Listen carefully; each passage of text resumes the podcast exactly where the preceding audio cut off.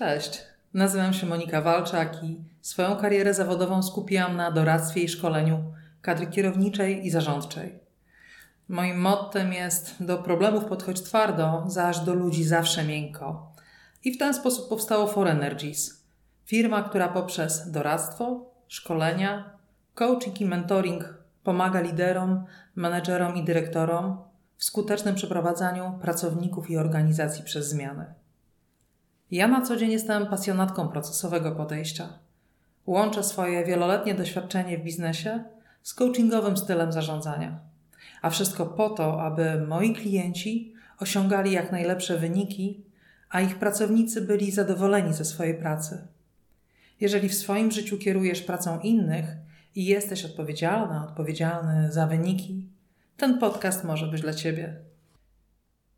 W dzisiejszym podcaście chciałabym Ci przedstawić e, tak naprawdę z jednej strony e, niby coś podstawowego, a mianowicie sposób udzielania informacji zwrotnej, tylko znowu zapraszam Cię do tego, żebyś popatrzył, e, czy popatrzyła na informację zwrotną, na sposób udzielania informacji zwrotnej troszkę z innej strony. Od czego zacząć? Pierwsza, najważniejsza rzecz, z czym się kojarzy informacja zwrotna, nie wiem jak Tobie, ale 99% moich klientów informacja zwrotna to przede wszystkim negatywna informacja zwrotna. Nie wiedzieć czemu. Myślę, że może z praktyki. E, w każdym razie rzeczywiście w mm, codzienności biznesowej utarło się i jakby taka jest praktyka biznesowa, że najczęściej informacja zwrotna jest negatywna. Ok, ona jest konstruktywna, ale ona nadal jest negatywna. Zaś e, jeżeli chodzi o pozytywną informację zwrotną, no to cóż, jak robisz swoją, do, do, swoją robotę, to przecież za to ci płacą. Może nie jest to aż tak wprost i brutalnie wypowiedziane, tym niemniej proporcje pomiędzy, nazwijmy to w cudzysłowie, chwaleniem, aczkolwiek konstruktywna informacja zwrotna nie jest chwaleniem, tak? tylko jest powiedzeniem, co dana osoba robi dobrze. Więc proporcje między właśnie tym chwaleniem a tym ganieniem, znowu też w cudzysłowie, jest mniej więcej taka jak 10 do 90.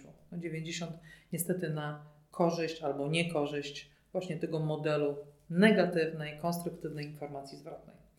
Więc dziś opowiem Ci o tym, jak wygląda struktura informacji zwrotnej z rozbiciem jej, które elementy tej struktury zastosować do negatywnej, negatywnej konstruktywnej informacji zwrotnej, a które elementy zastosować do pozytywnej informacji zwrotnej. To startujemy.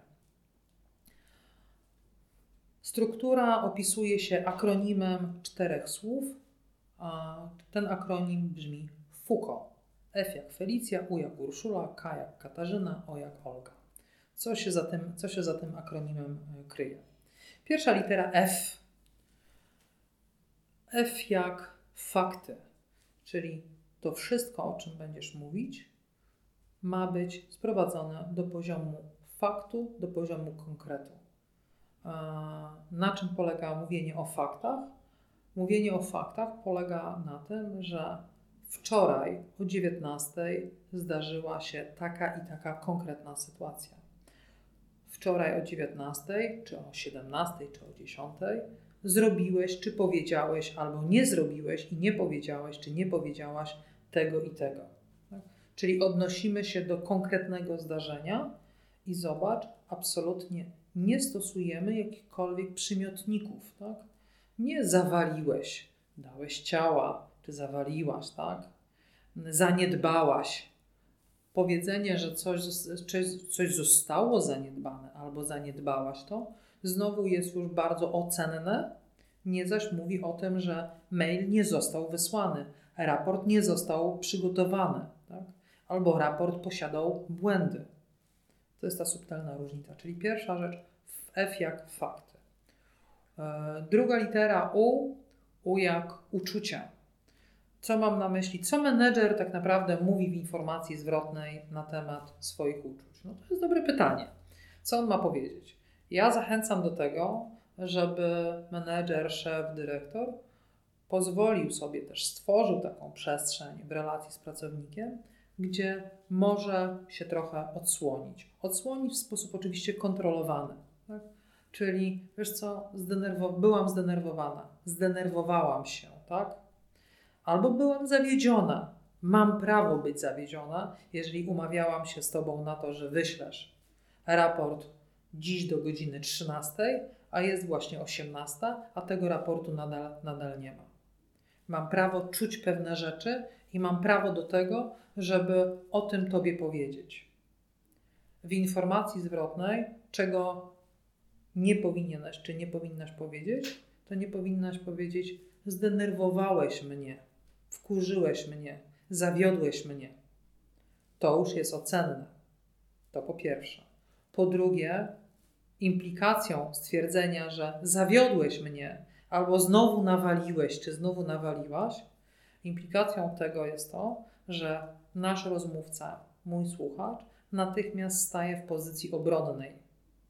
Nie, nie, za, nie, nie zdenerwowałam cię, to ty się denerwujesz. Nie, nie zawaliłam, sorry. Nie miałam możliwości, popsuł się komputer, nie było prądu czy cokolwiek innego. Nie miałam bardzo często w organizacji też takim wytłumaczeniem jest to, że nie dostałam prawidłowych danych, na przykład. Tak? Więc tutaj nam się tworzy polemika, która niczego nie wnosi, która jest zarzewiem konfliktu. A jeżeli mówisz o uczuciach z poziomu ja, czyli ja jestem poruszona, zdenerwowana, wzruszona albo jakakolwiek inna, nie możesz mi tego zaprzeczyć. To są po prostu moje emocje. Czyli mam literę F, mamy U.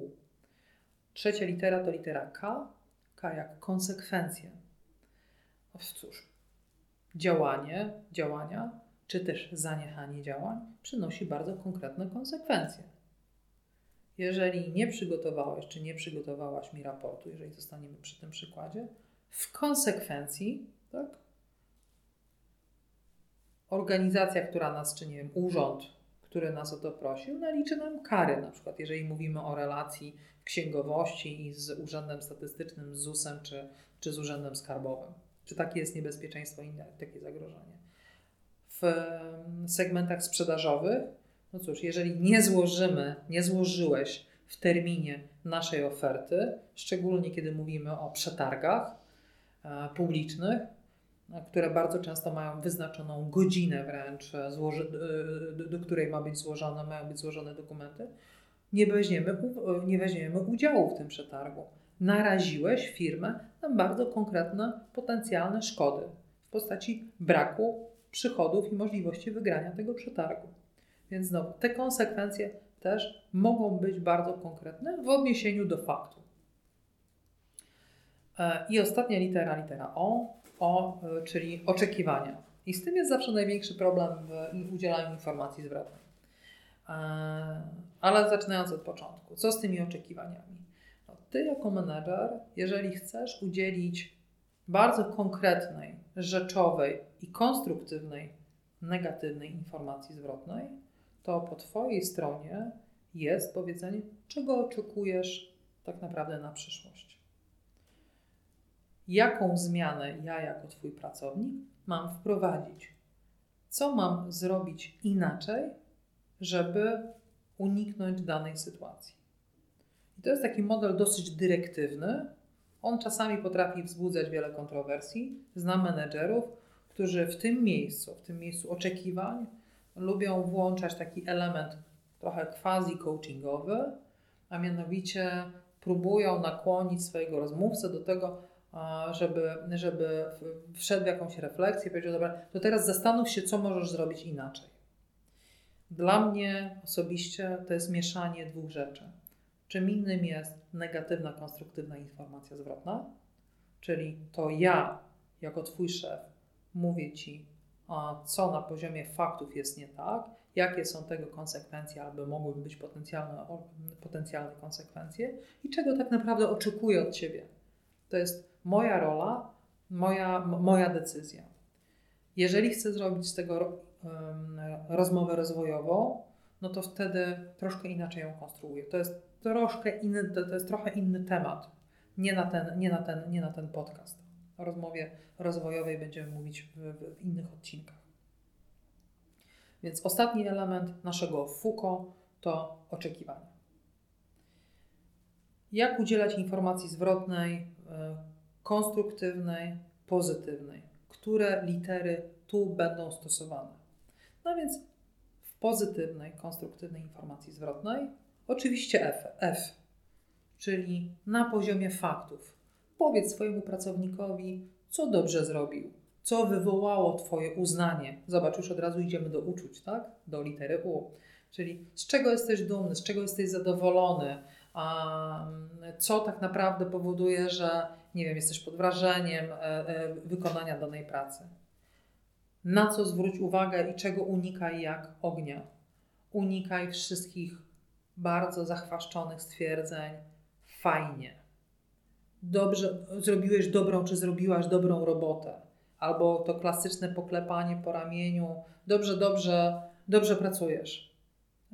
Paradoksalnie, akurat to w cudzysłowie chwalenie ma to do siebie, że ono bardzo mocno też wymaga oparcia o fakty, po to, żeby miało rzeczywistą wartość dla, dla Twojego pracownika.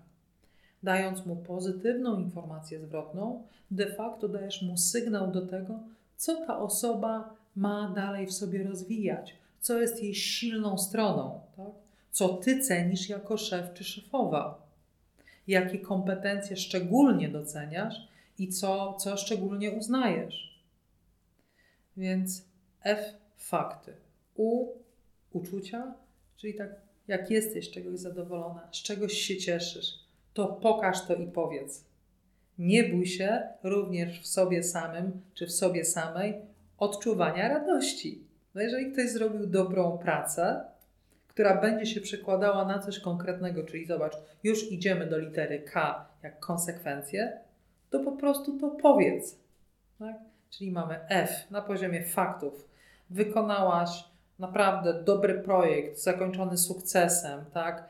Dzięki temu nasz dział mógł e, uzysk- pozyskać nowego klienta. Tak, kurczę, jestem najszczęśliwszą osobą pod słońcem. Jestem dumna, że mam takiego pracownika, taką, e, takiego specjalistę czy taką specjalistkę w swoim zespole. Kropka. Zobacz. Zupełnie inaczej to wygląda niż samo stwierdzenie: No, zrobiliście kawał dobrej roboty, dziękuję bardzo. Niby to samo, wierz mi, z perspektywy osoby, która to słyszy, jest to zupełnie coś innego. I ostatnia litera, a mianowicie o oczekiwania, powiem wprost i kolokwialnie. Nie, nie mów o swoich oczekiwaniach, nawet jeśli one gdzieś się czają z tyłu głowy i bardzo często brzmią: No i mam nadzieję, że utrzymasz ten poziom swojej pracy. No zobacz, dodanie oczekiwań w pozytywnej, konstruktywnej informacji zwrotnej, no de facto powoduje, że wylatuje ci w kosmos to wszystko, co powiedziałeś czy powiedziałaś wcześniej. Czyli okej, dobra robota, oby tak dalej, oby tak dalej, obywatelko. No nie, jakby właśnie, właśnie ta, ten cały proces, który wdrożyłeś czy wdrożyłeś wcześniej, właśnie przestał istnieć. A ja, jako Twój pracownik, zostaję z informacją zwrotną, że mam dalej tak samo robić po prostu i tyle. Kropka. Czyli jeszcze więcej pracy, jeszcze silniej, jeszcze mocniej. Radość, to uniesienie e, gdzieś, gdzieś po prostu znika. Więc mamy jeden model, który Ci bardzo mocno rekomenduję. Rekomenduję go dlatego, że pracuję ja na nim osobiście i też moi klienci pracują e, na nim bardzo mocno, bardzo intensywnie w biznesie. Dlaczego on się sprawdza? On się sprawdza dlatego, że nie pozostawia przestrzeni na domysły. Nie dalej niż dwa tygodnie temu, rozmawiając z jednym ze swoich klientów, opowiadał mi o tym, jak e, właśnie mm, jakaś firma szkoleniowa rekomendowała mu model, który przynajmniej ten mój klient tak go zrozumiał i tak go odebrał, gdzie ma zostawić pracownikowi przestrzeń do domyślania się, co też zostało dobrze albo źle zrobione. Na pewno do tego, na pewno do tego nie namawiam. Ba, wręcz mówię, nie pozwalaj pracownikowi, jak inaczej, nie każ mu się domyślać, bo gwarantuję ci, że jeżeli każesz mu się domyślać, to paradoksalnie wywołasz, mówiąc wprost, demony. Przykład, żeby mówić o konkrecie. Przetrenuj konkretną, konkretną sytuację. Pójdź do swojego pracownika który pracuje na drugim końcu korytarza i powiedz mu: Jacku, spotykamy się jutro o godzinie 15. Wiesz, o czym będziemy rozmawiać. I wyjdź. Zobacz, w jakim stanie ów Jacek do ciebie przyjdzie. Gwarantuję ci, że przyjdzie z milionem znaków zapytania i naprawdę nie będzie wiedział o co chodzi. Więc raczej wywołasz w takiej sytuacji duży zamęt, niepokój i de facto obniżysz jego efektywność, bo znowu wracając do tego, że pracujemy w świecie wiecznej zmiany i dużego niepokoju i na dodatek obniżonej odporności psychicznej, gwarantuję Ci, że ów nasz przykładowy Jacek będzie przez półtorej dnia zastanawiał się, o co tak naprawdę temu szefowi czy tej szefowej tak naprawdę chodzi.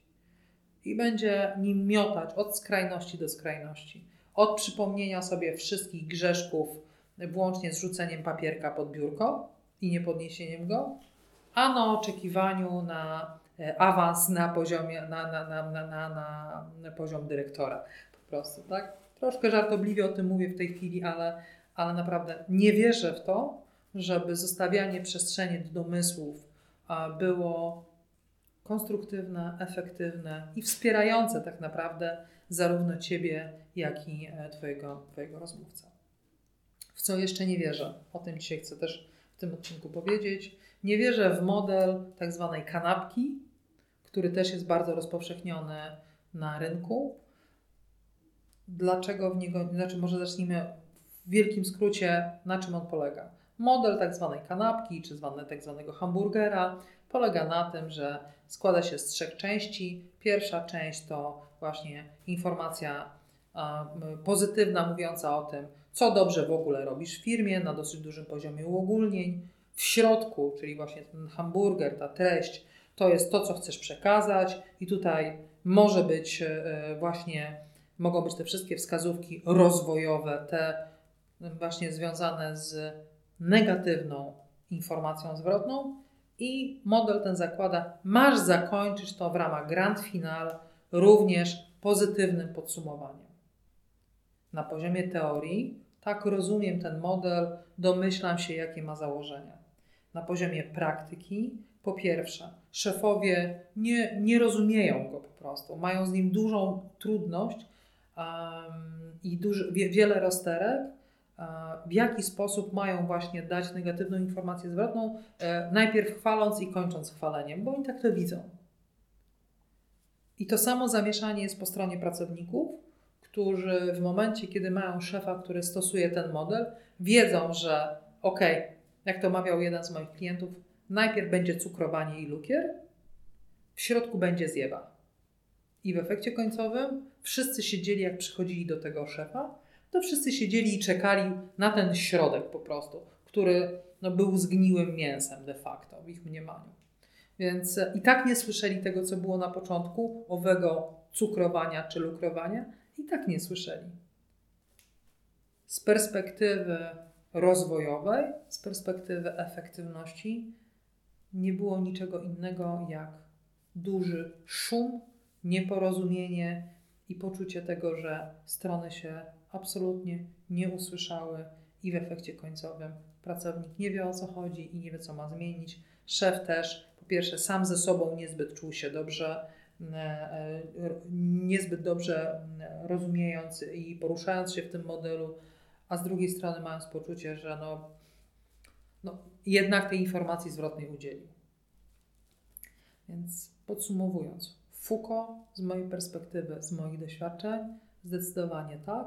Jest bezpieczne dla samego udzielającego informacji zwrotnej, dla tego, który tą informację zwrotną dostaje, jest oparty o faktach, na faktach, jest oparty na poziomie komunikatu ja, czyli ja czuję, ja oczekuję, ja tak uważam. I daje też, daje też bardzo konkretną informację o oczekiwaniach, o oczekiwaniach, niwelując e, taką tą przestrzeń do domyślania się i do niepewności dla, dla, dla pracownika. I znowu, tak jak zawsze, nie musisz mi wierzyć na słowo, po prostu sprawdź.